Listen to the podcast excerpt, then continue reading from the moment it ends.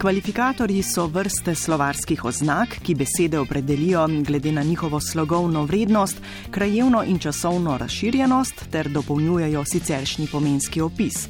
Primer. V slovarju slovenskega knjižnega jezika je ob besedi dolgoprstnež zapisan kvalifikator eufem, pika. To je okrajšava za eufemistično. Bi znali pojasniti, kaj točno ta oznaka, torej eufemistično, v slovarju pomeni?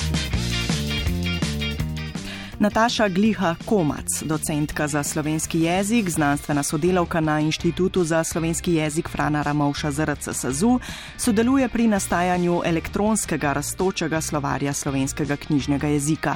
Je torej tista, ki oznake besedam v slovarju na novo dodaja, morda ohrani ali samo delno spremeni. Vedno pa se opira na gradivo, tradicije rabe, pa tudi na aktualne teorije v jezikoslovju pač sama vedno rečem, z oznakami je vedno uh, treba biti zelo, zelo previden. In toliko bolj v kodifikacijskem priročniku, kakršen je slovar slovenskega knjižnega jezika.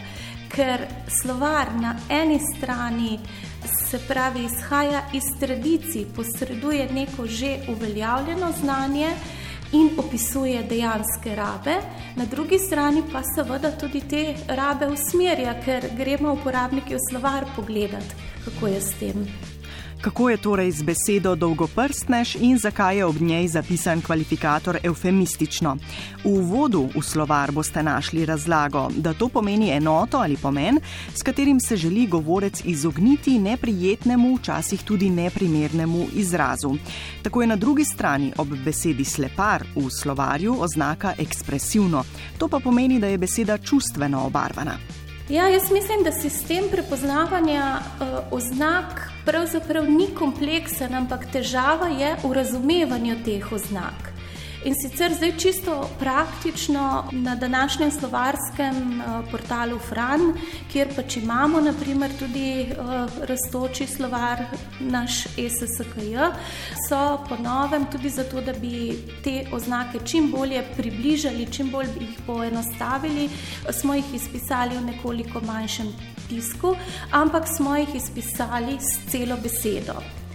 Težava, ki pa je, je, da je treba vedno tipologijo označevanja tudi razumeti. Zato pa če jaz vedno rada študentom rečem, da je treba, eh, preden začnemo slovar uporabljati, vedno in da je pač zelo pomembno ali pa koristno prebrati tudi uvod. Različnih oznak je namreč razmeroma veliko, uvrščamo jih v šest skupin. Socialno zvrstne oznake, naprimer narečno, slingovsko, potem že omenjene ekspresivne oznake, pa tudi časovne, torej kvalifikator starinsko ter normativne. Potem imamo pa tudi terminološke kvalifikatorje, ki nam povedo, iz katerega strokovnega področja je izraz oziroma njegov pomen ali podpomen prešel v splošni jezik. Tak primer je naprimer, ne vem, acikličen in imamo potem kot slovnično oznako v obliki aciklični. Eh, in potem v enem pomenu gre eh, za pomen, ki je prevzet iz športa, naprimer, ki ni iz več ponavljajočih se istih gibov, ali pa drugi kvalifikator, eh, se pravi terminološki iz ekonomije, torej, ki je v zvezi s sorazmerno stabilnostjo, za katero niso značilna večja, redno se ponavljajoča nihanja v neki gospodarski dejavnosti. Množica kvalifikatorjev nam pove, kaj vse lahko delamo z jezikom in kako. Pomembno je namreč izbrati pravi izraz, glede na to, kaj želimo povedati. V pripravi oziroma v fazi preizkušanja je za še večjo poenostavitev zdaj tudi nova tipologija slovarskega označevanja v elektronskem SSKJ. Ne zanima nas več, odkot v knjižni jezik ta izraz prihaja, ampak nas zanima to, kar je po našem mnenju pomembno za uporabnika in sicer v katerih govornih okoliščinah, glede na stopnjo formalnosti, ta izraz še lahko uporabljajo. Zato odslej pač ne bo, vsaj ta tipologija je v preizkušanju, ne bo več oznak kot so ne vem, neknjižno, narečno ali podobno pač pa bo slovar prinašal informacijo, ali je izraz primeren za manj formalno rabo ali za neformalno rabo. Vse, kar je neoznačeno, je pač primerno za rabo v katerem koli govornem položaju, kjer so neke formalne okoliščine.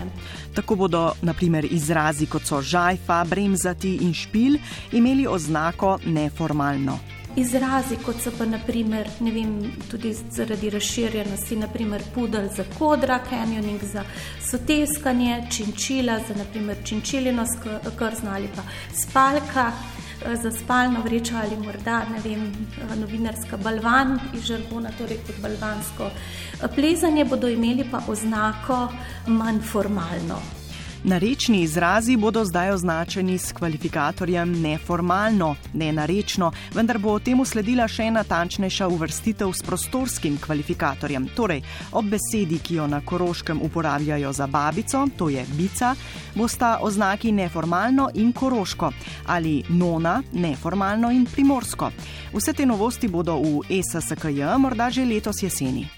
Ključni namen je predvsem slovar čim bolj približati uporabniku.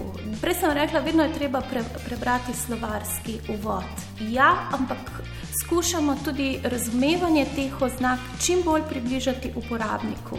Če v danem trenutku vemo, s katerimi besedami lahko sporočamo različne stvari jim dodamo različne pomenske odtenke, je to gotovo znamenje naše jezikovne spretnosti. Dejstvo pa je tudi, da imajo ljudje z določeno besedo različne izkušnje in če razumemo omenjene oznake oziroma kvalifikatorje, znamo brati slovarje.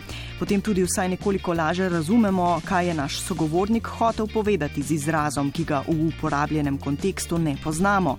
Recimo z besedo krota. Zdaj pri kroti se nam je zgodil cel kup razmislekov, kar pač krota je.